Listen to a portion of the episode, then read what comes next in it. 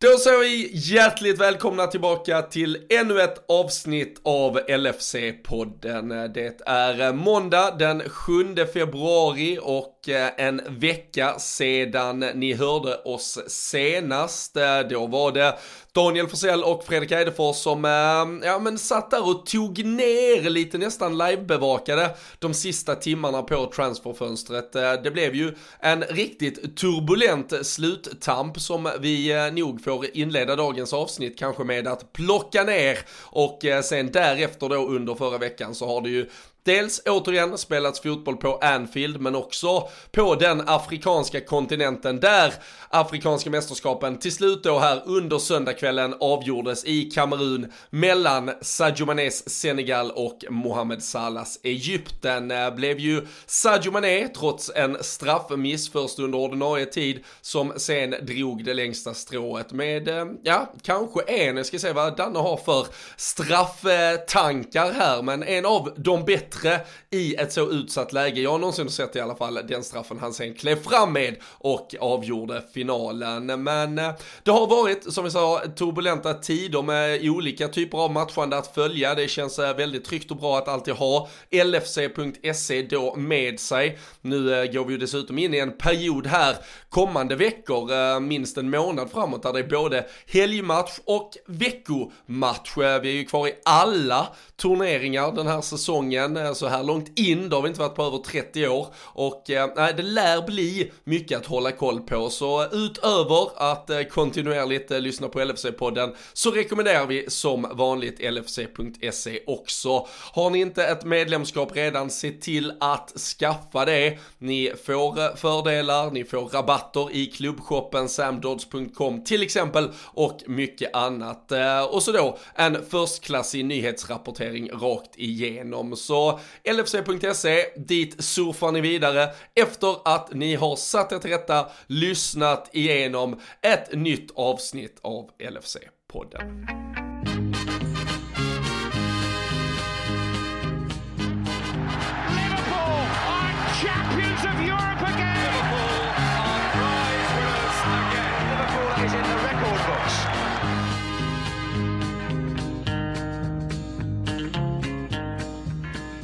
Jajamensan Danne, uh, vi, uh, vi börjar väl sådär uh, artigt som man bör göra och fråga hur läget är i Borås. Men vi har mycket kul att ta tag i sen känner jag redan nu.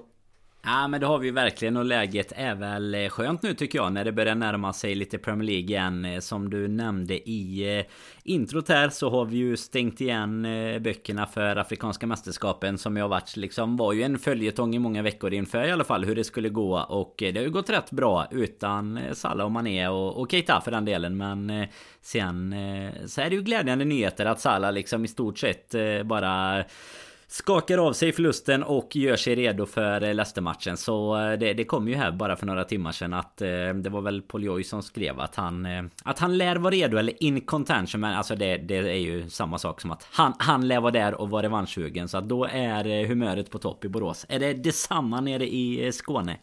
Ja men det, det, är det. Jag är alltså, fullt medveten om att det absolut inte är någon vår än så länge och det har varit eh, svinkallt och man kommer säkert få massa bakslag när det plötsligt är eh, minus eh, två och det har kommit något jävla snöskit man bör förhålla sig till. Men det var ändå 5-6 grader och strålande sol ett par timmar här i Malmöområdet idag. Så känner jag också att fotbollen när vi nu liksom, vi har stängt januarifönstret, vi har spelat det här då, om vi ändå, jag, jag ser det är lite som ett vintermästerskap här med det afrikanska och eh, alla kupper har då tagit sig igenom några av de här första faserna och så vidare. Och det känns som att nu går vi in i en ny eller ett nytt skede av säsongen som jag lite då ändå vill se som vårsäsongen, alltså vårspurterna mot pokalerna och allting. Så det, det är kanske att ta och kalla att man har vårkänslor, men något som nästan liknar det. Och eh, i Sverige den 7 februari så är det fan,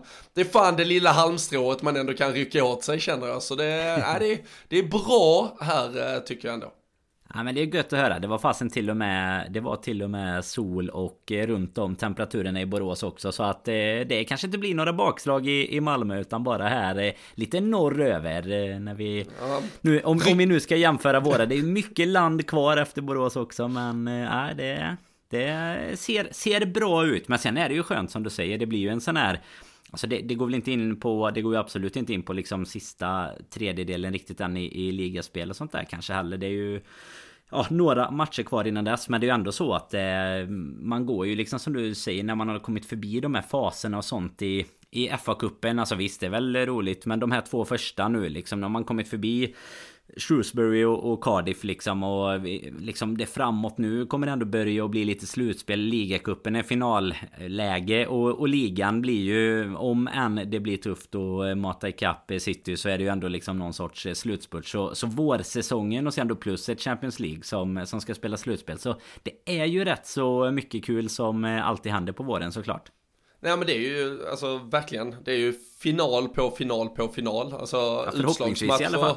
nej men jag, jag, nej, men alltså jag ja, ja, du menar de, matchernas även de som inte liksom. är, är ja. finaler utan uh, dubbelmöten i Champions League. Det är ju mm. liksom, det är alltid som två finaler. Vi vet att vi antagligen behöver vinna typ varje match för att kunna eventuellt äta in ett försprång på Manchester City och sen då utslagsmatcher och eh, ja men i Carabao Cup då till och med en riktig final så att säga. Så det är så dessutom vi kommer ha en period där där vi faktiskt spelar på, tror det är på tio dagar så spelar vi alltså i fyra olika turneringar, kan vara på tolv dagar eller något sånt. Eh, men eh, när det är då, det är ligacup-final, det är Champions League-möte med Inter, det är vanlig ligamatch och så är det FA Cup. Är det åttondelsfinal vi är framme vid där? Ja, det är det. Nästa ja. jajamän. Så eh, nej, äh, kul och äh, jävligt häftigt äh, ändå med, med så många. Det var ju Klopp den första själv som äh, erkände här för någon om det var förra presskonferensen eller den veckan innan kanske där han sa det att eh, vi har ju faktiskt inte varit bortskämda med just fa Cup framgångar under hans ledning i alla fall. Det är väl framme vid det här skedet har vi väl varit, det var vi väl det där pandemiåret när vi åkte mot Chelsea. Jag har för mig det var här också månadsskiftet eh, februari. Mm mars som vi, som vi åkte ut mot dem. Men eh, nej, längre än så har vi inte kommit. Så eh, vi får väl hoppas att det kan vara mer att komma därifrån. Vi, vi ska prata om eh, den fa Cup-matchen som har varit. Eh, både trevligt resultat i slutändan och framförallt väldigt trevliga spelarinsatser och eh, comebacker och mer därtill. Vi ska prata upp Leicester, det väntar intensivt matcherna torsdag och söndag i ligaspelet. Men tänkte bara, det blir ju någon form av ändå liten cliffhanger som hängde där från förra veckan med tanke på att inte transferfönstret hade stängt när ni stängde igen och packade ihop poddutrustningen och eh, när ni satte eh, lite signatur på avsnittet så kände väl eh, ni lät det som och jag tror alla med oss satt här hemma och trodde att Carvalho kanske ändå skulle bli klar till slut. Nu blev det inte så. Men samtidigt så säger ju väldigt, väldigt många rapporter att det kanske hittas en lösning ändå.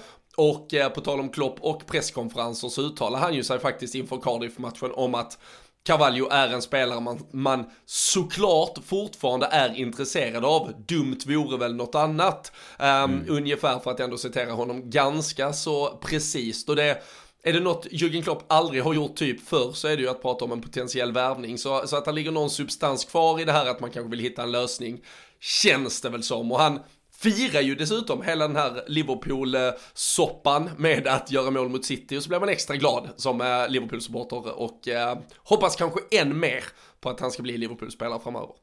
Ja men så är det ju. Vi Vi satt väl till och med och eh, pratade lite jag och Fredrik om hur skönt det var att det liksom inte Alltså att det är roligt med bomber på deadline day Men att det är mm, liksom lite storheten i klubben och sådär för, för att vi inte går in i de här panikvärvningarna. Och nu ska man ju inte kalla honom en En panikvärvning. Det är liksom ingen som kanske hade lyft laget i, i dagsläget till nya nivåer och höjder. Men sen eh, så fort man hade slått igen datorn eh, för Eller för podden i alla fall Man hade kastat iväg mikrofonen Då, eh, då började ju de här ryktena intensifieras levereras direkt. Och det var väl eh, till och med så att man eh, var nästintill eh, säker på att det skulle bli av till slut. Och sen blev det lite det är det som man inte riktigt alltid förstår liksom varför man ska behöva dra ut på det till eh, sista sista sekunden. Men eh, det är klart eh, förvånar mig inte om de fortfarande faxar över avtal och sånt där i, i England eller att det liksom är eh, någon papperskopia via brev som Royal Mail eller något som måste gå hem eller för man man har ju kallat det uland mer än en gång i sitt liv så eh, nej det var väl synd men som du säger alltså känslan är väl att att han eh, i i juli spelar i eller kanske inte spelar i rött men han har i alla fall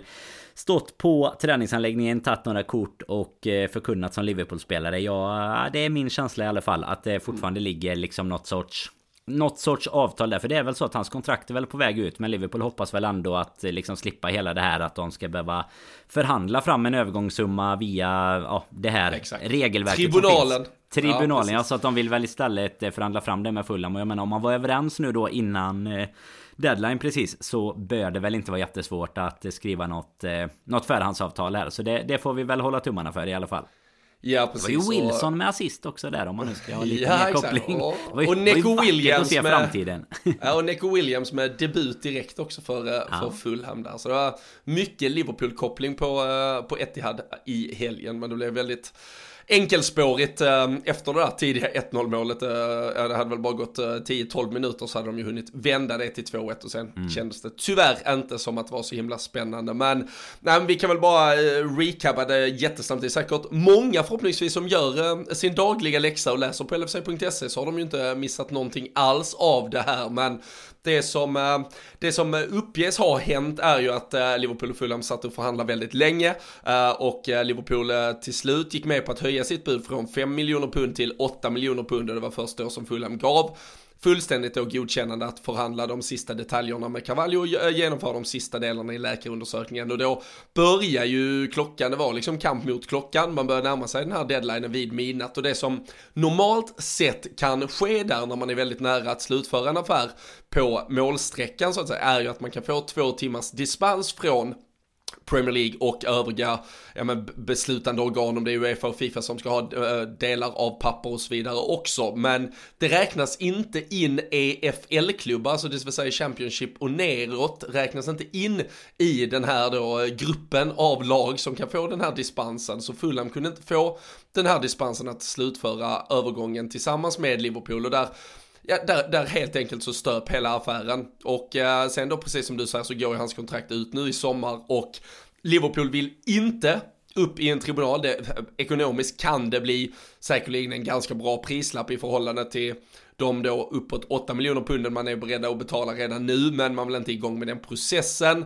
Fulham vill absolut inte in i den, eller framförallt inte komma i en situation där Cavallios kontrakt går ut, för skulle han inte välja att gå till ett engelskt lag så äh, gäller inte hela den här tribunalprocessen utan då är det bara en Fifa-garanti på 500 000 pund istället som måste betalas. Och det har ju börjat ryktas lite om ett eh, Dortmund till exempel som ska ha ögonen på honom och så vidare. Skulle de då komma in i matchen istället så blir det ju väldigt lottlöst för eh, Fulhams del och därför då så vill Fulham, eh, och nu är ju han en spelare under, han är ju bara 18-19 år, men under 23 framförallt och då kan man utnyttja ett jag menar ett förförhandlingsläge där du kan skriva ett kontrakt och faktiskt lägga in en övergångssumma som bestäms fast att kontraktet går ut. Bosman-regeln är helt enkelt, ja men inte riktigt skapt för ungdomsspelare på den här nivån utan där kan man då förhandla detta på förhand. Så det är det Liverpool vill göra nu, skriva ett förhandskontrakt eh, för att han då ska gå och eh, vi kompenserar Fulham utan att vi behöver gå till någon, eh, ja men typ rättslig instans för att göra klart det. Så vi vi tror väl kanske att det kan bli av ändå Danne, men det, det känns ju lite snöpligt att det föll där. Det känns bara så onödigt eh, på något, även om det ändå ryktades att han skulle lånas tillbaka och vi hade ju antagligen inte sett honom luta sig mot en massa skyltar kanske förrän som fyra, fem månader ändå. Men uh, ja, nu får vi leva med att det kan vara lite, lite osäkerhet och det kommer säkert komma in någon mer sista i matchen som vill uh, utmana Liverpool lite åtminstone. Det är väl främst det man känner kan vara problemet att, eh, att eh, kan, kan komma andra klubbar och framförallt när hans kontrakt går ut och sådär. Men sen är det såklart att det är eh, Det är väl inte jättemånga klubbar som jag kan tänka mig ska stå högre upp i näringskedjan för hans del. Även om man inte ska slå sig på bröstet för mycket. Men jag menar det är ju kommer Dortmund och, och den typen. Så det, det är klart att det, vissa klubbar kanske skulle kunna garantera lite mer speltid och så vidare. Men jag tror väl att eh, hade han nu bestämt sig i detta läget för att det skulle bli Liverpool då... Eh, som sagt, då ska det nog mycket till för att, eh, att det inte ska gå vägen om nu alla fortfarande är eh, lika på helt enkelt. Och det, det tror jag. Så att det, det bestämmer vi väl redan här 7 februari att, eh, att det är klart till sommaren i alla fall. Så börjar vi att scouta andra värvningar här som behövs eh, till hösten helt enkelt.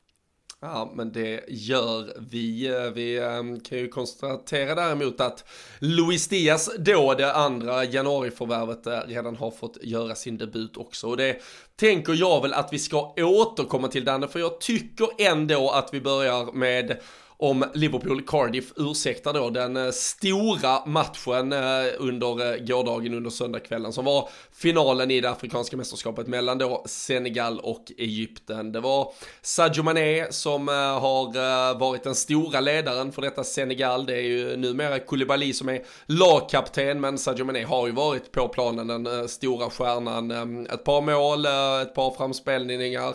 Han har varit involverad i allting offensivt känns det som och Ehm, sen har vi ju då ett Egypten som, eh, de landar väl totalt på fyra gjorda mål. De eh, vann inte en enda match under eh, ordinarie tid så att säga i slutspelet. Men hankar sig ändå hela tiden, hela vägen fram och ehm, till slut stod de också då i final vilket betydde Sadio Mané mot eh, Mohamed Salah, öga mot öga och ehm, Ja, när eh, den här reservmålvakten i Egypten, Gabaski, som har blivit, eh, ja men kanske turneringens stora profil, ehm, kom, ju, kom ju först in för en skadad första målvakt, eh, fick själv gå ut skadad till och med en av matcherna och sen egentligen varje match har ju mest handlat om att han har legat eh, sju, åtta gånger och dragit sig för sin ljumske som han fortfarande har otroligt jävla ont i, men så har ju samtidigt då växt ut till ett straffmonster och eh, han eh, stoppade Mané tidigt då i matchen och sen gjorde Egypten det de har gjort hela turneringen och bara satt stilla i båten egentligen och eh, Ja, de, de försöker ju faktiskt inte ens göra mål känns som. De försöker ju inte mm. ens passa bollen till Mohamed Salah. Och eh, det höll ändå på att nästan gå hela vägen.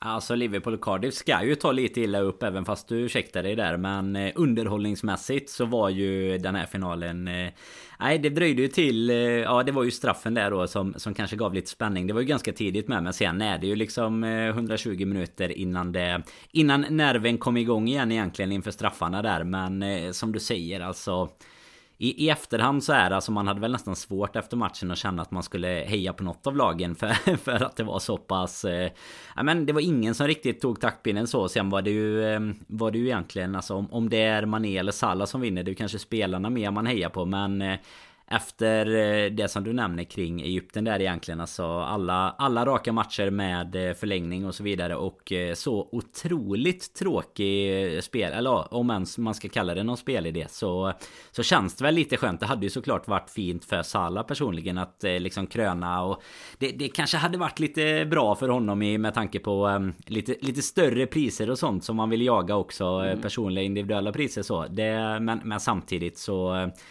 Ja det är väl eh, självförtroendemässigt kanske ännu bättre för Mané och eh, du var ju faktiskt inne på det här tidigt med om man ska Om man ska hoppa fram ända till avgörandet där så eh, är det ju Alltså efter att ha missat en straff i början också och så mm. gå fram och bara Dunka in den straffen som han gör i, i det avgörande läget där så är det ju Är det ju fantastiskt alltså och sen på tal om målvakten där, jag vet inte om du hängde kvar så pass länge Men alltså den intervjun han fick göra efter matchen Det var ju liksom det mest kanske komiska med hela... Ja, inte med ja, hela mästerskapet för det har fan varit domarinsatser men... Men det var något av det han, sjukaste man har sett Han blev man of the match Samtidigt som han liksom står och gråter över att han har förlorat matchen Alltså och... två minuter efter slutsignal står han ju och får intervjun Alltså får kameran i, eller micken i ansiktet bara Hur känns det att bli man of the match? Och han typ står ju och, och verkligen gråter som du säger och typ bara Nej men alltså det skiter jag i Alltså det spelar ingen roll nu. Nej, det är nej, något otroligt dålig känsla på, eh, på produktionsteamet där alltså. Ja, det ska de ha en känga för. Ja men det, det, är så, det är så mycket eh, märkligt kring, kring hela det här mästerskapet också att de sitter ja, men visst i... Det. det känns ja, men, så typiskt mästerskapet på något sätt. Ja och så det, det, det, det, är, det är något jätte... Alltså jag tycker ju såklart att allt som har med Infantino att göra är jätteäckligt men att eh, alltså på samma sätt som afrikanska mästerskap, alltså det är ju som EM är ju Uefas turnering, alltså det här är ju, det är eller vad de heter, alltså det är ju det afrikanska förbundets det är ju deras turnering, men Infantino har varit där med sitt kladdiga jävla huvud överallt och bara pillat i allting. Hela det här mästerskapet, så jag är, Nej, jag, usch, mycket som jag stör mig på med det, men det, det behöver inte denna podden uh, tas upp av. Däremot så tyckte jag det var väldigt intressant med Mané att han under hela strafflängden, jag vet inte om du tänkte på det, så gick han runt liksom bakom sina medspelare, alltså de stod ju så här klassiska eh, på mittplan och höll varandra om axlarna och hejade på alla som skulle gå fram och lägga. Men han gick liksom där bakom och det var liksom, jag kände, är det för att han är nervös att han missar i matchen och typ han vill inte att hans lagkamrater nu ska liksom skita ner. Har han kanske sagt att han inte vågar lägga eller vill lägga utan han har gett upp sin, sitt ansvar lite här men istället så kliver han då fram och tar tar den på det sättet så det, det är fan bara att berömma det är helt, helt, helt, helt otroligt faktiskt. På det sättet, i det läget, det är, ja, wow.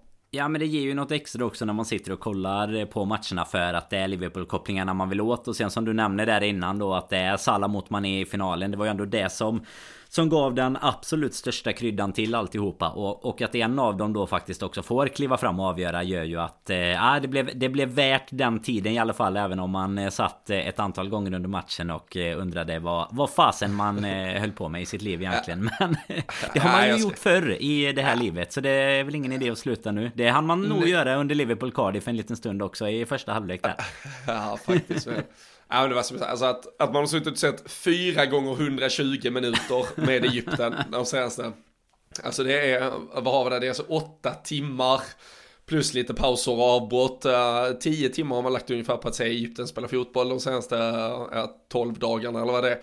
Det är, eh, det är tio timmar man hade, och, och sen säger man att man har tid att göra andra saker i livet. Ja, ja. Det, är, det, det, är en dålig lögn mot sig själv alltså. Det är, äh, fy fan, det är... Det är tufft förhandlingsläge med barnen nu om, om det kommer fram alltså när, när någon vill sticka iväg liksom, på någonting. Och nej, fan, alltså, det är svårt att få till det där leklandet. tvätta och diska och nej, det hinner man ju inte. Som har hunnit med tio timmar i Egypten. Det, nej, då får, nej. Du bara, då får du bara den boken framför dig liksom. Säger, här har du tio timmar i Egypten, här har du 18 timmar ligacupen där det liksom har varit eh, spelare som eh, Voltman som har startat genom, genom livet liksom och sådär. Ja, Nej, det, det är otroligt vad, vad man eh, gör för den här sporten ändå. Men, äh, men det jag tycker man kan säga kring det om man bara, eller jag kan ju bara gå till mig själv hur man har känt, så det är ju att Uh, Sadio Mané är ju, liksom, han är ju en del av ett, ändå på pappret väldigt starkt Senegal. Alltså vi, vi nämnde Koulibaly, de, de har Mendy i målet, uh, där är flera världsstjärnor. Alltså han gick ju in och var en del av ett lag och det, det, det blir lite svårare Alltså det är klart man kan heja på Sadio Mané, men det är ändå ett lag fyllt av stjärnor. Så hejar du på Senegal, alltså då hejar du egentligen på Senegal på ett annat mm. sätt. Alltså de har ändå förutsättningarna att som lag åstadkomma någonting.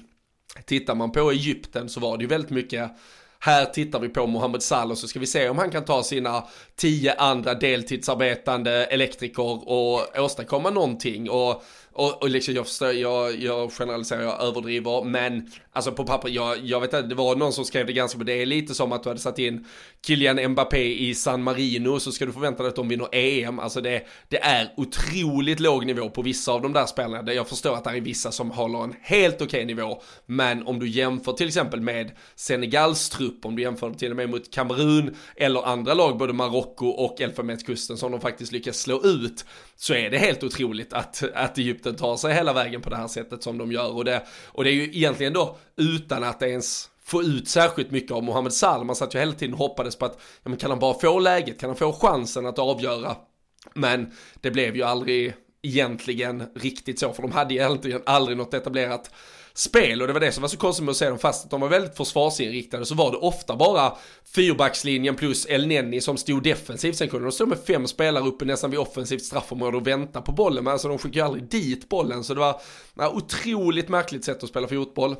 Och äh, det, var, det, var, det var bland det absolut sämsta jag har sett på så många sätt. Jag lite mer förrå, eller förundrad egentligen att inte lag på ett enklare sätt bröt ner dem. För det kändes, mm alltså man, man fick inte intrycket av att det var strukturerat och välkontrollerat och balanserat utan eh, nej, det kändes eh, jättemärkligt. Och, och därför blev det ju lite att man satt och tittade på Egypten för att bara hopp, eh, fan vad sjukt om Salah då, som du säger, alltså han har åstadkommit så mycket för Liverpool, han kom inte hela vägen fram i de här individuella prisomröstningarna och då kände man bara att, ja men om det på något jävla mirakulöst sätt blir en titel här, då kommer det börja bli jävligt svårt för de som eh, både bestämmer eller röstar eller vad man nu, hur man nu än utser de olika priserna. Att du kan inte bortse från det längre, så därför hade man kunnat, vi, lite därför ville man jobba in den här titeln åt honom. Sen nu när finalen blev som den blev och den stod mellan honom och Sadio Mané så det var ju mycket mer rättvist att Senegal vann tyckte jag. Det var mycket mer rättvist att Sadio Mané som, som jag tyckte var mycket mer en stjärna det här mästerskapet än vad Salah var, att han fick vara den som avgjorde, att han är den som vaknar upp med pokalen idag, att det är folkfesterna i Dakar och att det liksom är Senegal som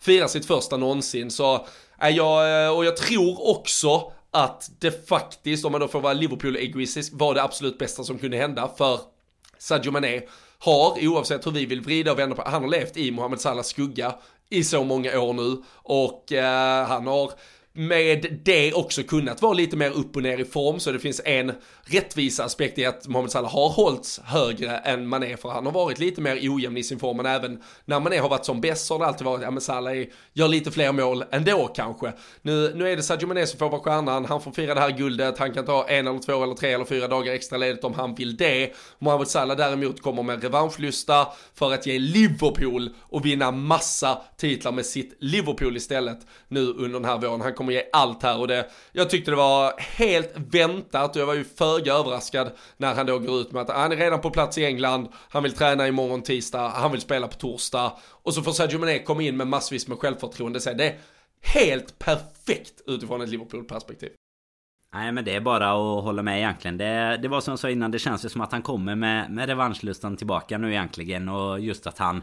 Alltså det, det, är klart att de drar direkt. Jag menar de har ju inget att, att stanna och, och, fira för eller någonting. Men ibland kan man ju tänka att liksom långt mästerskap, det har varit, eh, ja, som du säger, 4 gånger 120 minuter. Men känslan är att han bara vill in i, i Liverpool-tröjan igen och, och köra igång. Men Måste ändå stänga igen afrikanska tror jag med att eh, säga alltså jag är lite förvånad över att det var så pass låg kvalitet. Inte kanske inte de första omgångarna om man säger så. Men jag menar vissa länder kanske man inte har jättehöga förväntningar på. Länder som aldrig är med i något VM eller sådär. Men trodde fasen att det skulle vara lite lite högre allmän kvalitet på. För det är ändå som du säger. Alltså vissa av lagen har ju ändå bra trupper liksom. Men sen är det klart att eh, Ah, inramning, vissa domarinsatser och sådär eh, gör väl sitt eh, tillägg till att det blir ett mer oförutsägbart mästerskap liksom. Men äh, lite, lite chockad över det där ändå att jag trodde, jag förväntade mig inget EM-slutspel riktigt. Men kanske lite högre kvalitet än vad vi fick bevittna. Men det är väl uppfriskande det med när det ändå är på, på den högsta nivån någonstans som kontinenten bjuder på helt enkelt. Ja. Det man, man känner ju direkt i alla fall att det finns en en möjlighet för domardanne att uh, döma ett mästerskap efter att uh, ha sett kvaliteten här. Det, Absolut. du får vara be med, beredd om de ringer. Kanske till och med hoppa in som, eh, som liksom ansvarig över hela mästerskapet. Domaransvarig. Det känns till, som med, den platsen till och med, liksom går Till och med Jocke, Jocke Lundberg hade kunnat vara mer ansvarstagande och organisatorisk än vad de här gubbarna var. ja, absolut. Ja, det är, det är illa, men eh, så är det. Men äh, jag tycker och tror att med eh, de orden så kan vi nog stänga igen det afrikanska mästerskapet för nu. Vi gratulerar Sadio Mané. Jag, han ser precis här, han, jag skulle försöka få upp det, han startar någon live-video på Instagram här. De är väl och firar nu hemma i Senegal, så det lär ju vara ett party som, som inte har slutat sedan för ett dygn sedan och som inte lär sluta på både ett, två och tre dygn till kanske. Men vi vi eh, gratulerar honom och eh, får se mer exakt när han återvänder. Men eh, Mohamed Salah som sagt på plats i England och alldeles strax då tillbaka i träning också. Men i avsaknad då den av båda de två herrarna så var Liverpool ändå tillbaka i helgen och det var Cardiff eh, som du nämnde som stod för eh, motståndet eh, på Anfield tidig söndag lunch kick-off. Såklart måste ju då ändå motståndarfans sjunga att åh är det här ett bibliotek eller hu hu hu en söndag klockan 12 i femte rundan av efter, fjärde rundan förlåt, av FA-cupen. Men skit samma. Utöver Mané och eh, Salah så gav vi eh, full vila till eh, brasilianska herrarna, både Fabinho och Allison Alisson som hade varit iväg med landslaget. Vi hade lite covid-sviter, eller åtminstone de hade varit i isolering, både Joe Gomez och Oxlade Chamberlain, så de var indisponibla. Men däremot så var ju både Harvey Elliott och Luis Diaz då i truppen, i den enes fall där för första gången någonsin såklart, och i Harvey Elliots fall tillbaka efter 147 dagar. Eh, jag tycker nästan att vi hoppar rakt på honom. För uh, börjar vi kronologiskt här och ska ta den första halvleken, då finns det risk att många stänger av. Så vad fan, låt oss uh, hoppa rakt in i händelsernas centrum och jag vet inte, man, man kan prata om stora debuter och hit och dit. Nu var det ju såklart ingen debut på det sättet för Harvey Elliott, men att göra den här återkomsten och eh, kröna den med sitt första mål. Det är ett otroligt avslut, eh, volley, pang i eh, hörnet framför Dekop. Alla har säkert redan sett scenerna från hans pappa som står i tårar och skriker från läktaren. Det, äh, det var en saga som fick sitt Ja, det är fel att kalla det slut för det hoppas vi inte där, men det är ett par, ett par första sidor i den där sagan som nu är krönta med guldsignatur. Ja men absolut, det är ju en... Eh, ja men som du säger, det, det är ju liksom ett eh, manus du hade skrivit till den perfekta comebacken egentligen. Alltså dels eh, var det väl... Eh, nu, nu, har man ju vetat ett tag att han är på väg tillbaka men eh, det var ju ändå så att man eh, hade på känn från början där att det var liksom säsongen som var över. Han har jobbat som fan, han har lagt ut mycket för när han har, har tränat och sådär. Nu har han ändå varit igång med laget och med boll ett tag också. Och det är väl egentligen, alltså tillsammans med Diaz så var ju, var ju faktumet att han satt på bänken den stora...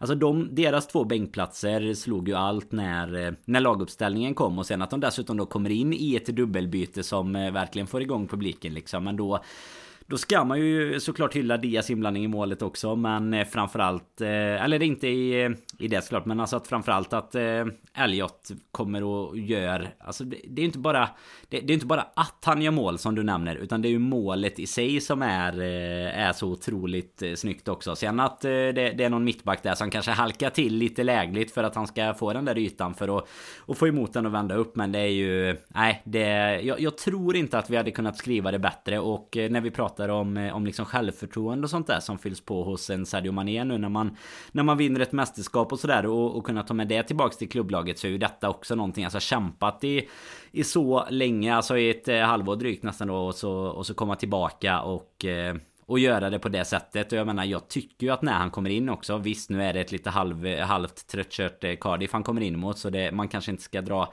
alldeles för mycket. Men alltså han kommer ju in med, med det han avslutar med egentligen. Alltså han kommer in, är delaktig, är med där, där bollen är. Han vill ha boll. Han är definitivt inte rädd liksom. Och där har vi ju en spelare som... Nej, det ska bli så jäkla kul att följa honom i, i vår här. Och, och få se lite såklart hur mycket speltid han, han kommer att få. Men eh, nej, fortsätter han på den vägen så blir det nog som i höstas. Att det blir mer än vad vi tror från början tror jag. Ja, och det, och det som är, det, det som nästan slog mig med, alltså först uh, blev man ju bara så liksom Eh, eh, jag menar glad för, för honom, eh, såklart egoistiskt som en, en Liverpool-supporter, glad för vilken otrolig spelare vi, vi uppenbarligen har i vårt lag, men sen liksom när all den om säger direkta euforin kring faktumet att det var just Harvey Elliott som kom tillbaka och att han får göra mål och så vidare. När det hade lagt sig bara bläddra igenom Twitterflödet och sådär så kommer det liksom, ja Harvey Elliott också, tredje yngst någonsin att göra mål för Liverpool i FK. Så, ja just det, han är så jävla ja. ung också. Alltså det är, alltså det här, det kändes ju mer som att en etablerad A-lagsspelare, oh äntligen är vår stjärna tillbaka. Och så mm. gör han mål direkt och sen bara, ah just det, han är liksom historiskt ung också på den här nivån. Så det, alltså där är så många parametrar och jag, jag kan ju bara instämma i, i det du säger, alltså det du ser ju inte det hos, eh, inte, alltså det, det är väl typ Thiago i vårt lag, sen kan man tycka vad man vill om hur han, vad han gör med bollen och hur han alla gånger eh, i övrigt kanske liksom tar sig plats på planen och så vidare. Men med den här självklarheten just att bara kliva in på ett mittfält och säga här, ge mig bollen, ge mig bollen så kör jag, så ser jag vad jag kan hitta liksom. Det, det är bara Harvey Elliot också som har det i, i truppen nu tycker jag. Han, eh, han vill så otroligt mycket, han vet hur mycket han kan och eh, tycker också hans lagkamrater redan nu, även de mest etablerade världsstjärnorna vi, vi har i den här truppen, ser honom som en jämnbördig och det är väl ja men någonstans det, det finaste kanske, eller den finaste bekräftelsen kan, han kan få på hur duktig fotbollsspelaren är men också liksom vilken mogen person, mogen spelare den här, eh, ja men, ja men historiskt nästan snabba då rehabiliteringen, alla som har varit runt honom eh, med, Klopp eh, såklart som något övervakande huvud men hur han har pratat om hur Kornmaj och hela den fysiologiska staben har ja, men blivit egentligen överraskade från sekund ett. Och vad de än har bett honom göra så har han liksom bara borrat ner huvudet och gjort det i stort sett. Och då, då, då kan det bära den här frukten. Och det är ju därför man också känner att allt som har med fotbollsutveckling att göra om anpassa dig till en, en spelstil, hur kan du vinna en extra meter i en yta i det här läget, han kommer ju bara suga åt sig det och fortsätta växa, växa, växa och utvecklas. Så äh, det är äh, på tal om att då eh, blåsa eh, Fulham på, på dels eh, ung talang och på väldigt eh, lite i transfersumma i slutändan så, så måste det ju kanske, jag tror det kommer mynna ut i kanske den bästa värvningen ja, men, någonsin. Jag, jag hoppas att det kommer göra det i alla fall för jag, jag tycker att alla förutsättningarna finns för Harvey Elliott att göra det och eh, det blir ju, det blir ju såklart extra speciellt när man ser bilder för bara tre, fyra år sedan när han, eh, han står i Kiev inför Champions League-finalen som, en, eh, som en ung liten eh, tonårsgrabb med, med långa backslicket och är beredd att liksom kliva in och heja på sitt älskade Liverpool och nu, det är ju mer eller mindre samma lag han, han går in i och är en stjärna för. Och jävligt häftigt med Robertson också som när, efter de hade firat färdigt lite tillsammans bara skickar han fram honom mot i kopp igen liksom, ut och fan, ut och ta emot kärleken mm. en gång till. Så det, äh, det var otroliga scener. Men det är ju också någonting med det här att eh, du, du nämner ju det att han är ung och det, det har vi ju med oss liksom. Men han, han är ju så mycket mer självklar på något sätt i laget än vad eh, spelare i den åldern brukar vara. För du har ju alla de här spelarna som som har, har kommit och gått lite. Du vet, gör någon tidig debut, gör något mål i FA-cupen eller ligacupen eller, eller till och med i ligan. Men liksom han har ju tagit en sån mycket mer permanent plats. Eh, även om han nu givetvis har varit borta väldigt länge. Men i början på säsongen här då att det är liksom antingen bänk eller till och med en del starter. Då. Alltså det är inte det här att du, att du sporadiskt spelar i någon kuppmatch och ses som en stor talang. Utan det är liksom våran, våran A-lagsspelare som, eh, som vi har där. Och sen eh, Ja men lite det som du nämner, alltså lite det som visas runt eh, omkring honom också från andra spelare, liksom hela den ja, men hela den respekten och, och sådär också och, och, som du är inne på så känns det väl av den anledningen tycker jag också som att det, det kan bli en så mycket större och bättre värvning lite av den anledningen kontra när du tittar på när du tittar på andra talanger som kommer in och liksom får lite chanser här och där. Här känns det ju som att han är ju verkligen nu redan på den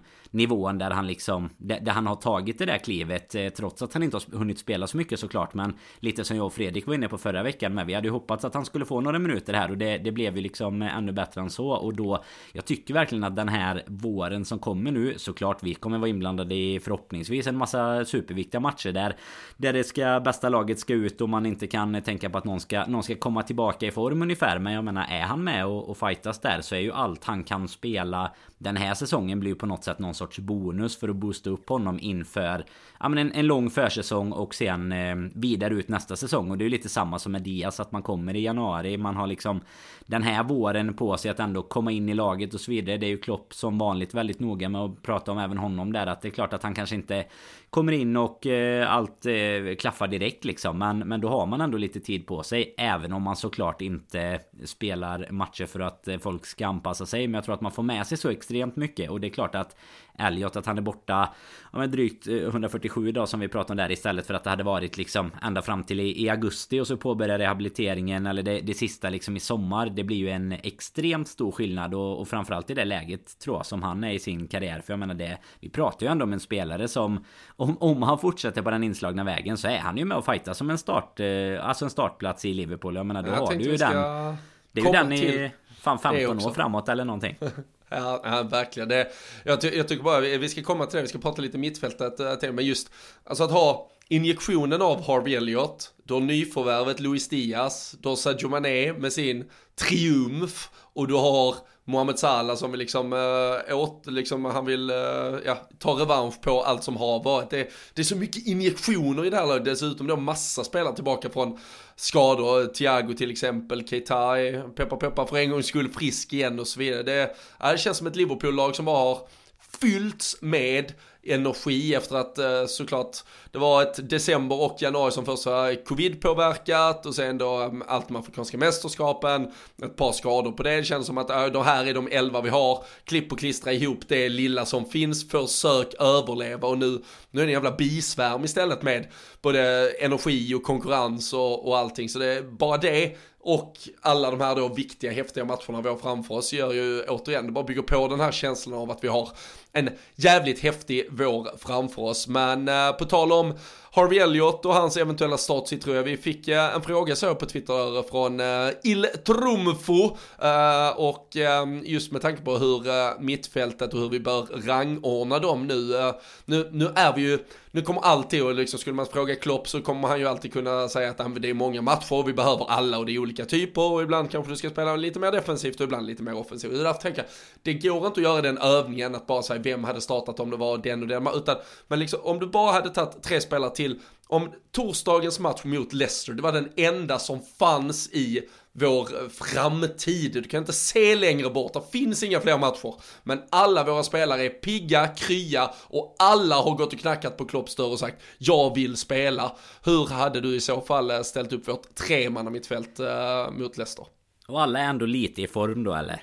Alla är liksom exakt, gå... alla är i sin prime fan i mig. Ja men då hade jag ju satt eh, Fabinho i alla fall eh, Till att börja med. Sen hade jag nog faktiskt tagit eh, Henderson och eh, Thiago bredvid varandra i, eh, i första läget där. Sen eh, Nej, litar jag ju inte på Thiago sen gammalt Men det, det sägs ju att han har varit bra för så, så det är min tremanna om de hade liksom varit Ja om alla är i, i form och i sin prime. Men som sagt det, och, det, och, det, och det, är, mot, det är mot Leicester Det är mot Leicester hemma. Och du hade valt ja, dem. Ja men det hade jag gjort Ja, ah, fy fan. Ah, jag, jag hade tagit Harvey Elliot före Henderson alla dagar i veckan. Herregud. Det är ett av de enklaste valen jag kan uh, göra just nu skulle jag säga. Jag kommer inte skälla på Klopp om det händer Men uh, ja, vi får se Nej, Tror du att ja, han gör och jag, och jag, och jag, hoppa, och jag hoppas det dessutom är det laget vi ser på, på torsdag nu också. Uh, Fabinho, uh, till, alltså Henderson, nu, nu spelar ju dessutom i den här då defensiva mittfältsrollen. Alltså det, det går så, det är så långsamt varje gång, det stannar upp hela tiden. Uh, vi vet inte vad vi ska göra med bollen. Curtis Jones är ju också, jag har ju svårt att få den sista kärleksdosen till Curtis, alltså där Harvey Elliot bara sprungit rakt in och dribblat bort hela mitt hjärta och allt möjligt och satt sig i min hjärna och sitter där och dinglar med benen och jag tänker på honom dag ut och dag in. Så Curtis Jones har ju lite lättare att förtränga fan jag tyckte det gick jättelångsamt med både Henderson och Curtis Jones. Uh, väldigt nära varandra, eller mycket pass och bollar mellan dem och där. Så Fabinho, Thiago och Harvey Elliott som bryter det mönstret. Det, ah, uh, vad bra det hade blivit. Ja men jag skulle säga, jag skulle säga så här att det är ju typ det som är problemet. Alltså utan att det, att det hade varit ett problem att se den starttrion. Sen är väl frågan såklart med, med Elliots eh, fysik och sådär. Men Alltså Henderson tillsammans med Fabinho och eh, Thiago blir ju något annat än tillsammans med en Kitao och Curtis Jones. För jag, lite för att spinna vidare, nu ska jag inte hålla med dig i precis allt du säger. Men, men det här med Curtis Jones, jag kan störa mig på något extremt som jag tycker har varit, eh, alltså ganska, för jag tycker ändå att han i i den typen av tremannamittfält ändå kan vara den som ändå försöker då bryta framåt lite. Sen har han ju ofta det här svåraste för honom. Det är ju någon sorts eh, slutprodukt liksom. Antingen att komma till ett avslut eller ett lite snabbare spel. Det som jag tycker att Thiago är bra på när han väl är bra eh, eller när han väl liksom är i lite form och, och så vidare. Det är ju att han får ut bollen på kanterna typ mot eh, Trent eller mot Robertson. Men alltså jag tycker att Curtis Jones så ofta tar liksom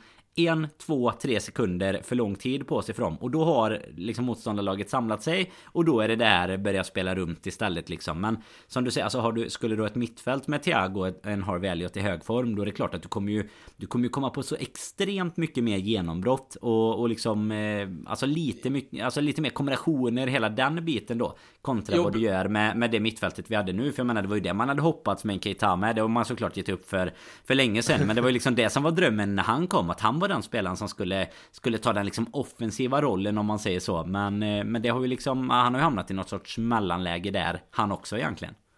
Ja, ja och, jag och där, där, tycker jag ändå både Thiago, absolut, och, och till och med kanske ändå Kate, alltså, som, så, de, de sätter upp den där bollen lite sådär, alltså Curtis Jones, det, det han är fantastisk är ju att eh, kanske dribbla sig ur en första press och ta sig upp mot motståndarnas backlinje, men han tar ju sig aldrig förbi den, utan där vänder han ju alltid tillbaka hela, hela tiden och så och blir det ett par passningar till. Men nej, ja, eh, Fabinho, Thiago och eh, Harvey Elliott hade varit mitt, eh, mitt mittfält att gå på, men vi får väl se hur Klopp resonerar inför torsdag. Vi ser Det är väl bara måndagen också- med så Thiago kan ju skada sig innan dess, det vet du väl? Ja, ja, ja, det, det var ju när, när han började på presskonferensen i fredags där inför Cardiff-matchen så alla, ja och Thiago är tillbaka i träning och så ja men nu har han ju lite bröstmuskelproblem, att man bara, ja men sluta. Nej, det är ju helt inte, otroligt Det är ju inte möjligt. Men, men sen sa han det, men nu är han tillbaka i träning, men så alltså det, det saknades ju bara att efter sju veckor borta med en jävla höftproblem så eh, var det lite bröstsmärta på det också, men eh, nej vi får se. Det, Kommer ju kanske också eh, faktiskt här Danne för första gången typ någonsin känns som i, i Klopp-historien i alla fall bli med Sadio Mané tillbaka om vi eh, slipper eh, några fler covidfall och eh, de andra håller sig någorlunda friska så, så kommer det ju vara spelare som Typ eh, Origi, Minamino, Oxlade, Milner som där två, tre, fyra av de här faktiskt får sitta på läktaren varje match för att få ihop ja, den rätta numerären inför våra matcher.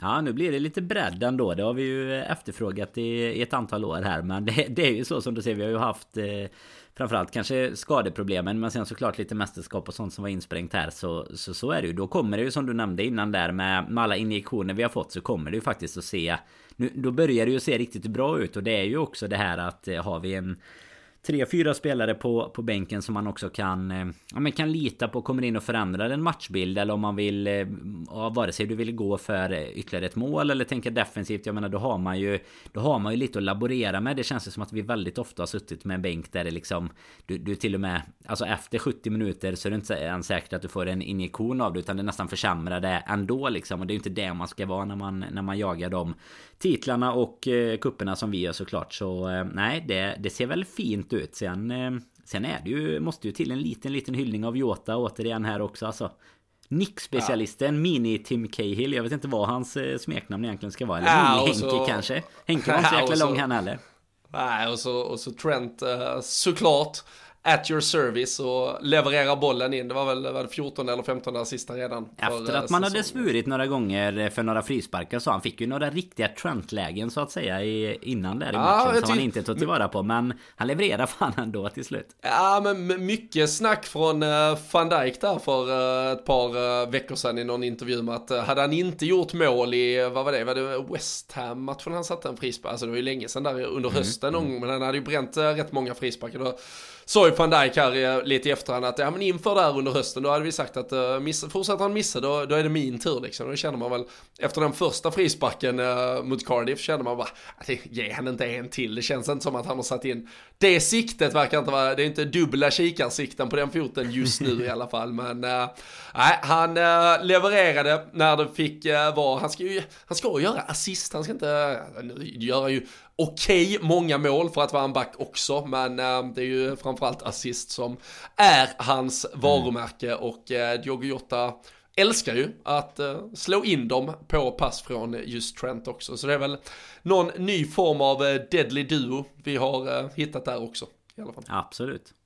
Nej, det får man Men- säga. Det är ju det är ruggig form på honom. Alltså att han, där snackar vi en som verkligen tar fart och tar sig förbi sista gubben också. På tal om det med, med Curtis Jones. Jag menar det, det är ungefär, han hämtar ju ofta bollen i lite samma lägen. Alltså nere vid, vid typ nästan mittplan. Och så bara spikrakt framåt på, på Jota alltså. Och så eh, verkligen eh, ytterligare en sån spelare när vi pratar Elliot och de här som, eh, men som är ett steg fram i, i linjen såklart i, i startuppställningen. Men, men vad gäller det här att verkligen bara försöka bryta igenom det som man alltid har älskat med Sadio Mané innan också liksom. Nu finns det väl viss förutsägbarhet i vart han kommer ta vägen när han får bollen på kanten. Men eh, det är fan inte alltid så lätt att stoppa honom ändå. Så att eh, nej, vi har... eh, Det är lite angenäma problem nu och Klopp pratar ju faktiskt om det nu med tanke på Diaz och sådär också. Att det gäller ju att man... Ja, det, vi, vi ska alltid ta ut bästa laget för dagen och så vidare. Det pratar han ju om. Att man inte liksom kan leva på gamla meriter var väl undertonen lite. Och Precis. nu, nu var ju inte det personligen riktat mot någon såklart. Men det är ju en konkurrenssituation nu som börjar bli lite spännande faktiskt. Mm. mm. Nej, han äh, sa ju först på den äh, öppna presskonferensen där, då var det ju väldigt mycket att äh, det handlar om att äh, förstärka laget både, både idag och för framtiden. Och sen det var väl den här från, kan det vara Carl Markham som lutade från, det var väl en av de här embargoed news som kom sen framåt kvällen, också där på fredag när han pratade om det som du är inne på att vi har många spelare i den här truppen som har varit högst liksom delaktiga i att bygga all den framgång vi har, men man kan inte bara titta tillbaka på vad man har gjort för klubben tidigare, utan eh, man måste vara beredd att göra saker för den framåt också. Så där, om, eh, om där fanns några syrliga passningar mot eh, kontraktssituationer eller prestationer, det återstår väl lite att se. Men det är ett, ett Liverpool-lag som på, på papper och på förhand så här, när vi går in i de här då sista 3-4 månaderna på säsongen i alla fall inte, vi hade inte kunnat må mycket bättre åtminstone. Så det är delikata problem för Klopp och han kommer att ha en hel del tuffa beslut att ta. För eh, vi fick ju även se Luis Diaz eh, komma in eh, första colombianen någonsin att göra en tävlingsmatch för Liverpool och eh, det tog bara några minuter så, så hade man ju först eh, hunnit eh, sätta hjärtat i halsgropen och trott att han hade gjort någon sån här Zlatan vrida knät när du landar skada och blir borta resten av livet. Typ, men så såg man att det var ett litet skrapsår istället och det var en liten dubb som hade landat och då kunde man andas ut. Men istället så kan vi ta med oss hans, ja men vad ska vi kalla återerövringspress i, i offensivt straffområde, vinner bollen bollen, gör lite Luis Suarez-finter nere på förlängd mållinje. Så nästan ut som att bollen var över linjen, men det ska vi inte diskutera nu. Och äh, så äh, såg jag sen i den officiella statistiken att han tyvärr inte hade fått någon assist, utan den hade Diogo Jota fått, för den nuddade tydligen honom när han missade bollen. Och äh, istället okay. så var det Minamino som tryckte in den till sitt sjunde mål för säsongen. Det ska vi fan inte heller förringa, men vi stannar väl ändå lite vid Luis Diaz och den injektion han fick vara samtidigt som Roberto Firmino flöt ner lite på mittfältet kan vi också återkomma till sen. Ja men absolut, det är framförallt som du säger den är den tvåfotaren han gör till Ja till Jota egentligen är det ju men, men som sagt han missar bollen och så Fyller Minamino på istället men han, han kommer ju ändå in med eh, Ja men den flärd man kanske lite hade förväntat sig och, och lite som vi sa med, med Elliot innan så är det klart att, eh, att ett Cardiff eh, på hemmaplan som någorlunda känns liksom som att eh, man har börjat att, att ta över ifrån så, så är det väl eh, ja, men någon, någon liten bra startshow att få göra ändå. För han, han hade ju några ja, men ändå några insatser där han eh, där, där, han liksom ändå lyckas hålla en del boll och så vidare. Sen är det ju som du nämner det just skadesituationen var ju man typ säker på att eh, på att det var något superallvarligt för det, man såg ju hur ont han hade men eh, sen när man insåg att det var att det var en eh, stampling stämpling på knät eller sådär då, då kunde man ju lugna sig lite i alla fall. Men eh, fy fasen det hade ju varit en, eh, en start det annars att dra liksom vara borta ett halvår eller någonting. Det första som hände. Men nej det, det kommer ju vara antagligen då en inhoppare från start i alla fall. Men alltså att, att få in de fötterna istället för att ha en Divock Origi eller någonting. Det, med all respekt så är det ju någonting man ser fram emot Även om Origi har, har gjort sitt såklart. Men vi, vi säger som Klopp, oavsett vad man har gjort så, så ska det levereras framåt också. Och han eh, är ju fan kvar i klubben ändå efter eh, deadline day där. Bara det är ju lite halvt en, en bragd om något. Så att eh, nej, jag tycker att eh, han kommer in och får, får klart godkänt där även om han inte fick den officiella assisten då. Nej, precis. Men äh, det var ju verkligen äh, Suarez-vibbar. Jag tror inte jag var ensam om att känna det just. Det är ju en äh, Louis. Det är ju en Louis. Ja, det, det, är en Louis. Och jag, tror, vad fan, jag tror fan till och med nu, nu, skulle jag ju ha gjort min research bättre, men, men, kan det vara så sjukt så att den heter typ Luis Diaz? Alltså det, det, är något med kombinationen Fernando Torres, Luis Suarez som går ihop i Luis Diaz namn. Du vet, de har lite längre namn egentligen. Skitsamma. Ja, det, det är lite som hans eh, som Sverigesdotter Delfina där som blev Anfield och sådär. Det är ju otroligt också. Det är lite något sånt som du vill jobba med där. Ja, jag vill, eh, jag vill försöka jobba med någonting som eh, inte gjorde sig helt perfekt i, i, i live-podd. Men, Tyvärr kan vi inte klippa heter, heller. Men ah, ah, nej, nej, nej, nej, nej, det behövs inte för jag är snabb på att googla. Han heter Luis Fernando Diaz Marulanda. Så du ser, där är både Fernando och Luis. I, Otroligt om man hade hetat Luis Fernando Diaz Suarez eller någonting sånt. De hade ju varit en koppling. Nej fy fan. Vad hette han det sista? Vad hette han det sista sa du en gång till? Det måste vi ha i podden. det måste vi få med såklart. Marulanda. Luis ja, Fernando Diaz Marulanda. Det blir ju en tröja med Marulanda när man är där nästa gång. Bara, Ja, så bara är- för att man kan. Och så en Barbosa för att hylla Firmino också. Det, det är mitt favorit andra namn annars i, Ja, i truppen faktiskt. Otroligt Så- bra. Där ligger han lite back fortfarande tyvärr. Ja, faktiskt. Men eh, nej, ett eh, superfint eh, inhopp eh, som lovar mer, skulle, skulle jag tro i alla fall. Och som sagt, det kommer ju vara väldigt roliga alternativ. Nu får vi se nu eh, samtidigt som jag plockar upp telefonerna så ser jag livebilderna från eh, Dakar eh, där det firades rätt vilt kring Senegals guld. Så som sagt, jag, jag tycker ju gärna att Sadio Mané kan få vara kvar där i lugn och ro och fira hur, hur mycket han vill och bara suga in allt från det här. Jag såg att Roy Hodgson, eh, ny Watford-tränare, han var ute idag så han förväntar sig ha Ismail Assar tillgänglig till morgondagens match. De spelar ju tisdag och då skulle han vara tillgänglig. Det vet inte fan, eh, alltså man har ju spelat B-lagsfotboll lite bakis ibland men och, och kliva från eh, de festligheterna i Dakar nu till att spela eh, Premier League med Watford eh, några timmar senare. Känns tveksamt om man inte, och det, och det känns också, Alltså det, det är ju svinigt också av en tränare om han då har kallat tillbaka en spelare som inte har fått vara med på den här festen. Det är, Uh, ja det är så dåligt. Det, det är så, Oskar Lewicki som åkte hem till familjen istället för att fira U21-guldet eh, när Sverige vann eh, 2015. Det, du kan inte missa en sån här fest om eh, chansen ges. Alltså det, nej. Det har man lärt sig finnas. av eh, OS-guldmedaljören nu, van der Poel, att lite bärs eh, skadar fan inte, man kan ta OS-guld ändå. Men alltså du hade ju gått in eh, lite bakfull. eh, Om du, om du super idag så tror jag fan nästan att du går in i Watford imorgon eh, ändå Robin i och för sig. Så att eh, tycker inte vi ska förvänta oss för mycket även om man har supit till det lite så här. Men jag tycker snarare som du säger att det är tråkigt om han... eh, Om Hodgson kallar dit honom. Men eh, Hodgson blev ju också, vad blev det nu? Sjunde tränaren eller någonting blev han väl? Ja, precis. de höll Första, sist. sju- sjunde, för- sjunde försöket gilt så att säga. så Håller, höll de, en håller de nollan till slut. Det första han gör såklart 0-0 mot Burnley. Det blir inte mycket mer Roy Hodgsonigt än så att eh, dra sig ur från pensionen och, och köra 0-0 mot Burnley alltså. Fy fan. Det, Nej, det hoppas man ju är två lag som man inte ser i Premier League nästa år alltså. Nej, kan man eh, knäppa med fingrarna och bli av med. Det, det är väl de två och eh, ja, sen Norwich är också så jävla, och så Newcastle vill jag så himla gärna bli av med. Men eh, Bur- ja, ja, jag kan behålla Norwich faktiskt eh, till, till förmån för dem. Eh, Watford, Burnley och Newcastle om jag hade fått knäppa med fingrarna. Tror jag fan är lagen jag hade skickat iväg. Jag orkar inte Nej, det med är dem. helt okej. Det är helt okej. Ja. Alltså Norwich kan ju vara fint att ha kvar med om Luis Fernando ska börja och göra sig ett namn. Eftersom den andra Luis gillade Norwich så mycket tänker jag att vi ska skapa lite fler kopplingar här. Ja. John Ruddy står inte i mål längre bara. Han, eh, han hade ju, han fortfarande mardrömmar.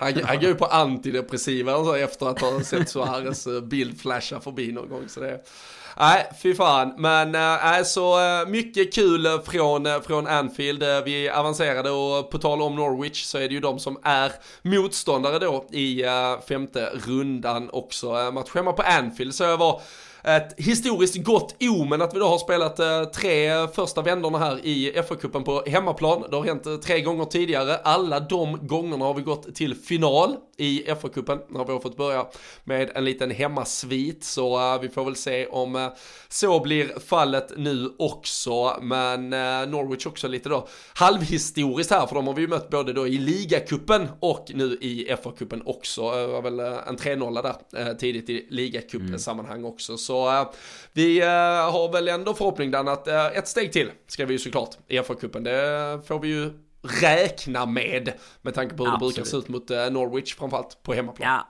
ja men absolut. Det, det ska vi kunna lösa. Framförallt tycker jag när man, när man ser lite, nu vilade vi ju lite spelare även här, men jag tycker ändå vi ställer ut ett... eh, ett, ett bra lag liksom här nu mot eh, Cardiff och det är väl som Klopp var inne på att det är väl, det är väl dags att vi kanske får fira lite framgångar i FA-cupen också. Inhemska cuperna är ju som, som du nämnde innan har ju inte varit eh, jättelångt fram hela tiden. Det var ju den här första finalen som, eh, som Klopp var i då eh, där. Men nej, det är väl, det är väl skoj när det, när det ändå kommer en liten bit sådär. Den första omgången där i, i januari i FA-cupen, eller tredje omgången då, den är ju lite halvtrött när när det försvinner lite Premier League, det var ju samma den här helgen känns det som det inte har varit Premier League på hur länge som helst. Och så var det knappt att man, just det, det är ju FA-cupen i alla fall i helgen liksom nu när det var lite andra mästerskap och sådär. Men Men nu ökar vi äntligen takten lite med både Premier League och Champions League. Så det är lite så här när man har fått eh, När man har fått gå och vänta och vänta här i två veckor eller vad det är nu utan någonting så, så bara kastar de allt eh, matcher till vänster och till höger här nu liksom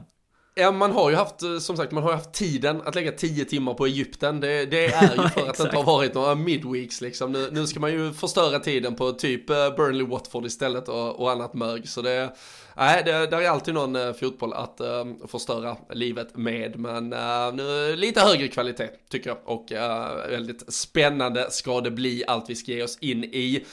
vi, vi håller redan på att bli långa, vi har, vi har väl lite kvar att i alla fall prata om för det är ju som sagt då Eh, både, både Leicester och sen då nämnda Burnley som eh, väntar här i slutet av veckan. Eh, det är match på torsdag, söndag så eh, vi gör väl någon form av, ja men liten framåtblick på båda de här matcherna för att sen då antingen kanske redan söndag kväll eller måndag så, så plockar vi ner båda två och så pratar vi upp lite Champions League mot Inter och sen blir det då ett dubbelavsnitt nästa vecka istället där vi då går ner mellan Champions League matchandet och att det sen väntar dubbla Premier League-matcher ganska tätt in på varandra igen där med både Norwich och Leeds på hemmaplan. Så eh, ja, väldigt mycket fotboll där. Vi, vi pratar lite om ett eh, eventuellt mittfält och vilka preferenser man har här mot Leicester.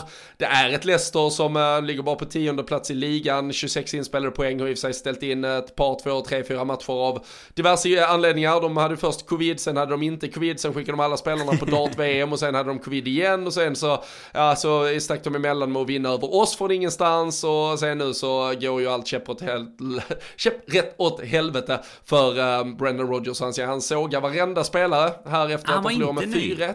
Uh, 4-1 förlust mot Nottingham, han sa många spelare som kanske inte förtjänar att vara kvar i klubben, bla bla bla, de visade inte att de eh, ville eller trodde på detta och så vidare. Och ehm, ja, det är ju vi pratar revanschlysta för Mohamed Salah bara av att inte då ha vunnit Afrikanska mästerskapen. Han missar ju en straff där på King Power Stadium och eh, den kanske ligger med i, eh, ja, bak där i baktankarna kring varför han vill tillbaka och kliva ut på Anfields matta på torsdag kväll. För alltså det finns ju en det finns ju förutsättningarna för att Liverpool, eller för att Leicester är en lite så här halvskjuten, eh, jag vet inte vad man, vad man är för något viltdjur som ligger där halvdöd, men eh, de eh, kan få sista kulorna i sig av Liverpool här om vi går ut med all den energi vi på förhand har. Ett kokande Anfield torsdag kväll, Mohamed Salah kanske rent av tillbaka rakt in i startelvan. Vem vet, hur tycker du att Liverpool ska attackera den här matchen? Nej men alltså man får ju verkligen hoppas att vi Att det är med just eh, all, Allt det självförtroendet och all den farten som eh, Som jag hoppas på För jag menar lite det du nämner kring hur eh, hur skadeskjutna Leicester ändå känns. Jag menar de kommer från den här förlusten nu mot, mot Nottingham liksom. Sen har de ju ligan, de förlorade väl mot eh, Spurs där. Det var väl den här eh, matchen när Bergwijn eller hur man nu uttalar hans namn gjorde två mål i, i ehm, slutet alltså typ 96 97 eller vad det var. Och sen så kryssade de mot Brighton och sådär. Så de har ju verkligen inte rosat marknaden sen dess. Men problemet om man nu ska vara lite djävulens advokat är ju att det var ju precis lika jäkla illa när vi skulle möta dem sist. Alltså de, de hade ju en, en backlinje som liksom var eh, ja men i stort sett liksom att det var var LFC-podden i Samdads Cup som ställde upp sig liksom där. Och så i och för sig då en Kasper Schmeichel han stod ju inte nu. Nu var det ju våran gamle Fasanda-gubbe istället. Danny Ward som eh, fick chansen här mot Nottingham. Och det ja, då, blir ju inte ju... många fler chanser där säger ju känslan då va. Ja, men då har vi ett och annat eh, tips om fotbollskarriären där mellan ett par köttbitar på Fasenda. eh, inför, vad var det? Det var veckor inför första Champions League, första Champions League, men finalen 18 va? Tror jag det var. Uh, ja, det kan nog våra, våran 18. Uh, ja, det kan vill jag minnas. Var det Brighton i så fall? Va? Exakt. Kan det, exakt. Kan det ha varit? Ja, den, eh, jag, jag kommer ihåg vilken match det var, men jag låter det vara osagt om det var den gången. Men det, han fick många bra tips i alla fall ifrån oss. Det, det kan vi lova, som, som alla som någonsin har träffat oss och lyssnat på oss vet om. Ja, nej absolut. Men uh, hur, uh, hur ska vi tänka kring Mohamed Salah? Alltså det, det finns så här, det finns ju en grundförutsättning här att man kommer såklart göra massa fysiska alltså, tester och, mm, och följa mm. upp. Det är så, alltså, han har ju spelat fyra gånger 120 minuter senaste 12 dagarna eller vad det är. Han har rest kors och tvärs, allt möjligt sådär. Uh, så man kommer ju säga liksom, är det ens möjligt? Och det, det beslutet ligger på någon annan. Men sen Tickar han i alla boxar och det visar grönt, då är det ju plötsligt en fråga för Klopp, liksom, var är, var är hans fokus? Är det ändå rätt läge? Finns det andra som bör gå före? Um, och eh, den diskussionen är ju lite mer, om man säger, delikat. Då, då är det plötsligt ett ja men ett lyxproblem, ska vi spela Mohamed Salah eller inte? Det, det jag tycker om man då återigen går tillbaka och tittar på Egyptens matcher, han har ju inte sprungit ihjäl sig. Alltså det, han har stått ganska mycket stilla och bara vinkat på en boll. Sen, eh, sen är jag inte tillräcklig expert för att döma det, det fysiologiska kring hur mycket det ändå sliter på muskulatur och så vidare och värmen har väl varit lite upp och ner där nere, vissa matcher har varit väldigt varma och så vidare. Men eh, om Mohamed Salah säger jag vill spela alla boxar tickas i och det ser, ah, det ser fan ganska bra ut här. Uh, kanske måste plocka av en sista 20 om det blir lite för ansträngt. Uh, ska, ska man starta honom då i så fall? Ja men det hade jag gjort eh, definitivt. Alltså det är väl egentligen bara eventuella fysiska hinder tänker jag. Som och det känns det inte som att den mannen har men men som du säger det känns alltså tittar man på det utifrån och tänker att han har spelat fyra gånger 120 så känns det ju såklart omöjligt egentligen men men du nämner ju ändå där alltså det är ju inte det är inte supermånga maxlöp i de här matcherna om man jämför med hur det ser ut om du spel, om du hade varit liksom fyra Champions eller Premier League matcher i, i det tempot. Så att jag men jag hade spelat honom 100% om han kan och så hellre då bytt ut honom efter 60 minuter om det nu är är eh, det han kan spela om man säger så. För att få ut så mycket som, som möjligt. För det är ändå en sån spelare som... Eh, Nej men det, det, är liksom ytterligare det, det, är ju en nivå till mot alla andra som kommer gå ut på den där planen Så Nej absolut 100% att han eh, ska spela om eh, Om det inte finns några risker förenat med det För han ska fasen eh, spela en match till där bara eh, 3-4 dagar senare igen ju Ja, och det, då ska det, det göras jag, mål. ja, nej men det jag tänker lite på, alltså om vi har både Leicester och så har vi Burnley-matchen. Sen efter det så kommer ju då Champions League-mötet med, med Inter. Det, det man känner, man vill i alla fall att både Salah och Mané har varit i matchning inför Inter tänker jag i alla fall lite som en uh, hobbytränare här att det kan vara skönt att ha tillbaka dem i sin egen miljö om man säger så innan man ska spela den viktigaste matchen och ska Mané då involveras mot Burnley så kanske det faktiskt skulle vara ett bättre läge att ge Salah ännu kanske lite mindre tid där om han i så fall där gör ett inhopp eller där kan gå ut lite tidigare. Så, så har han, finns det möjlighet att spela honom mot Leicester som sagt återigen, då, då tycker jag man gör det. Och ähm, jag, jag hade ju som sagt, jag hade ju spelat Elliot, Thiago, Fabinho på mittfältet, jag hade spelat Salah, Jota och Diaz på topp nu här äh, första, sen äh, hade man kunnat snurra runt det lite till, till matchen mot Burnley och kanske slänger man in Mané istället och Firmino till och med och så eh, kanske lite Salah och lite någon annan på, på en ytterposition till höger i den matchen. Det, där finns ju alla möjligheter för att ge ungefär då de här fem anfallsalternativen vi har om Minamino och Rigi ursäktar. De fem bör ju kunna få liksom i alla fall så 70 plus 20 var i de här två matcherna mer eller mindre och så kan man sen då antagligen vad jag tror kommer vara Salah, Mané och Jota när vi väl spelar Champions League och de avgörande matcherna. Så äh, laborera fram rätt äh, konstellation tills dess men äh, gå ut starkt, fan sitta inte och vänta med de här spelarna. Vi måste ju också vinna varenda match här nu som, som är kvar så Nej, det är lite det... det... man känner tycker jag kring Salah där du säger liksom hur man ska få in honom. Men alltså kan han spela så, så är det ju verkligen så att vi kommer ju behöva vinna varenda match i, i alla turneringar i och för sig så sett. Men alltså framförallt i ligan så, så är det ju så att ska vi sitta i en riktig match om det nu så är det ju bara då, då behöver vi ju ta de här fem kommande och visa att och City behöver tappa någon och vi behöver visa att vi är här för att utmana egentligen. Så det tycker jag väl att din idé låter ganska bra om man nu räknar med, med att det är så eh, Ja men att det ungefär är, den fysiska status man kan förvänta sig på dem. Så att, att Salah hellre då kanske Startar bänk på, mot Burnley och, och, är med för att komma in de sista 30 om det nu hade behövts liksom. Men att man till och med kan unna sig om man nu har Gjort en bra, tillräckligt bra insats att, att man kan vila. För det är klart att det kommer ju krävas Som, som vi var inne på ganska tidigt här så Pratar du om hur många matcher som kommer här framöver. Jag menar det är ju Dubbla matcher i stort sett Ja men varje vecka liksom här nu fram Ja jag vet inte hur, hur länge ja, det är en månad fram i tiden är fram till Det är typ fyra eller fem veckor. Ja, fyra ja. eller fem raka veckor där det är både veckomatch och helgmatch. Och då räknar vi ändå inte in att ett avancemang liksom i en FA-cup till och Champions League till Alltså då är det ytterligare schema som fylls på Så jag menar det kommer ju ändå behöva matchas och då, då är det ju perfekt att vi har, eh, har en lite bredare trupp nu och jag tycker väl att eh, Ja, jag hade nog till och med... Jag, jag hade nog satt... Eh, för fan, jag känner mig så här eh, fotbollsromantisk nu när jag hade tänkt egentligen att en Firmino skulle starta och en Jota på Manés plats där. Så jag är både liksom Henderson, Firmino och lite så här gamla... Gamla gubbarna, liksom gamla gardet. Vi har tagit Lovren, Wijnaldum.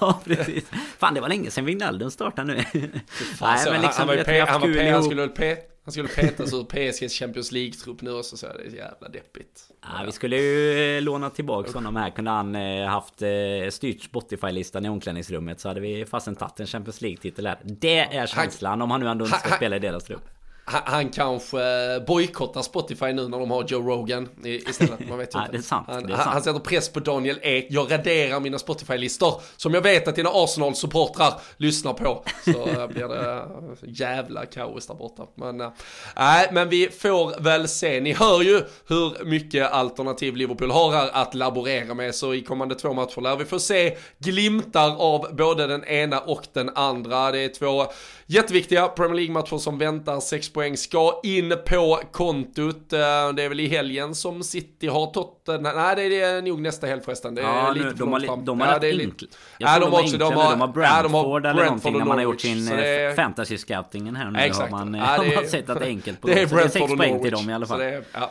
även om eh, Norwich, eh, det var väl där säsongen för två eller tre år sedan, när de skrällde och slog City med, med 3-2, visserligen, eller på. Um, Carrow Road, jag tror det är där de ska spela nu också. Så det, ja, vi får se, men eh, nej, det är klart att eh, de kommer ta 6 poäng. Så vi måste också göra det. Vi eh, plockar ner båda de här två matcherna som sagt efter helgen och då ska vi börja blicka fram mot Champions League-slutspelet också. Där eh, ligger redan nu ute en eh, tävling inför eh, Liverpool-Leicester här på torsdag. Ni hittar ju dem på patreon.com slash LFC-podden inför varje match.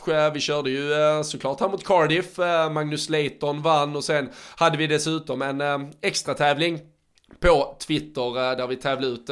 Sam hade ju fått in riktigt, riktigt äh, snygga sådana här äh, ölcoasters, äh, ölunderlägg med äh, lite ja, men retro-stil och samtidigt då Liverpool-touch och kopplingar och spelarnamn och sådär på, på alla. De äh, bör man checka ut om man inte redan har sett dem, men äh, kul att kunna skicka hem två sådana paket då till äh, två olika vinnare och så tävlar vi om t-shirt igen här på torsdag och så får vi väl se vad det dyker upp från våra kära vänner från Sam Dodds framöver. Men vill ni vara med och tävla om äh, snygga priser varje vecka och, eh, eller nu mera då, kanske två gånger i veckan för det är varje match, så är det eh, patreon.com slash LFC-podden som gäller. Vi passar också på att eh, puffa för rabatten som fortfarande gäller borta på nakata.se. De har ju faktiskt just nu upp till 50% rabatt på sitt ordinarie sortiment redan och om man då köper två Liverpool-produkter så får man dessutom 25% extra på alltså redan befintliga upp till 50% rabatt och då knappar man bara in LFC när man ska checka ut så blir det rabatt på ratt, rabatt eller kaka på kaka som vi säger här nere i Skåne. Så eh, bara ta för er. Vi eh, hoppas att ni är med oss eh, när vi kommer tillbaka här om ett par dagar igen. vi hoppas att det blir två härliga segrar först och främst. Jag tror att vi kommer få se Mohamed Salah tillbaka. Vi hoppas också få se Harvey Elliot göra mer kaos och allt annat skoj som vi kommer bjudas på. Så sit back och njut av detta och håll er uppdaterade på lfc.se tills vidare. Vi hörs och ses snart igen. Ta hand om er.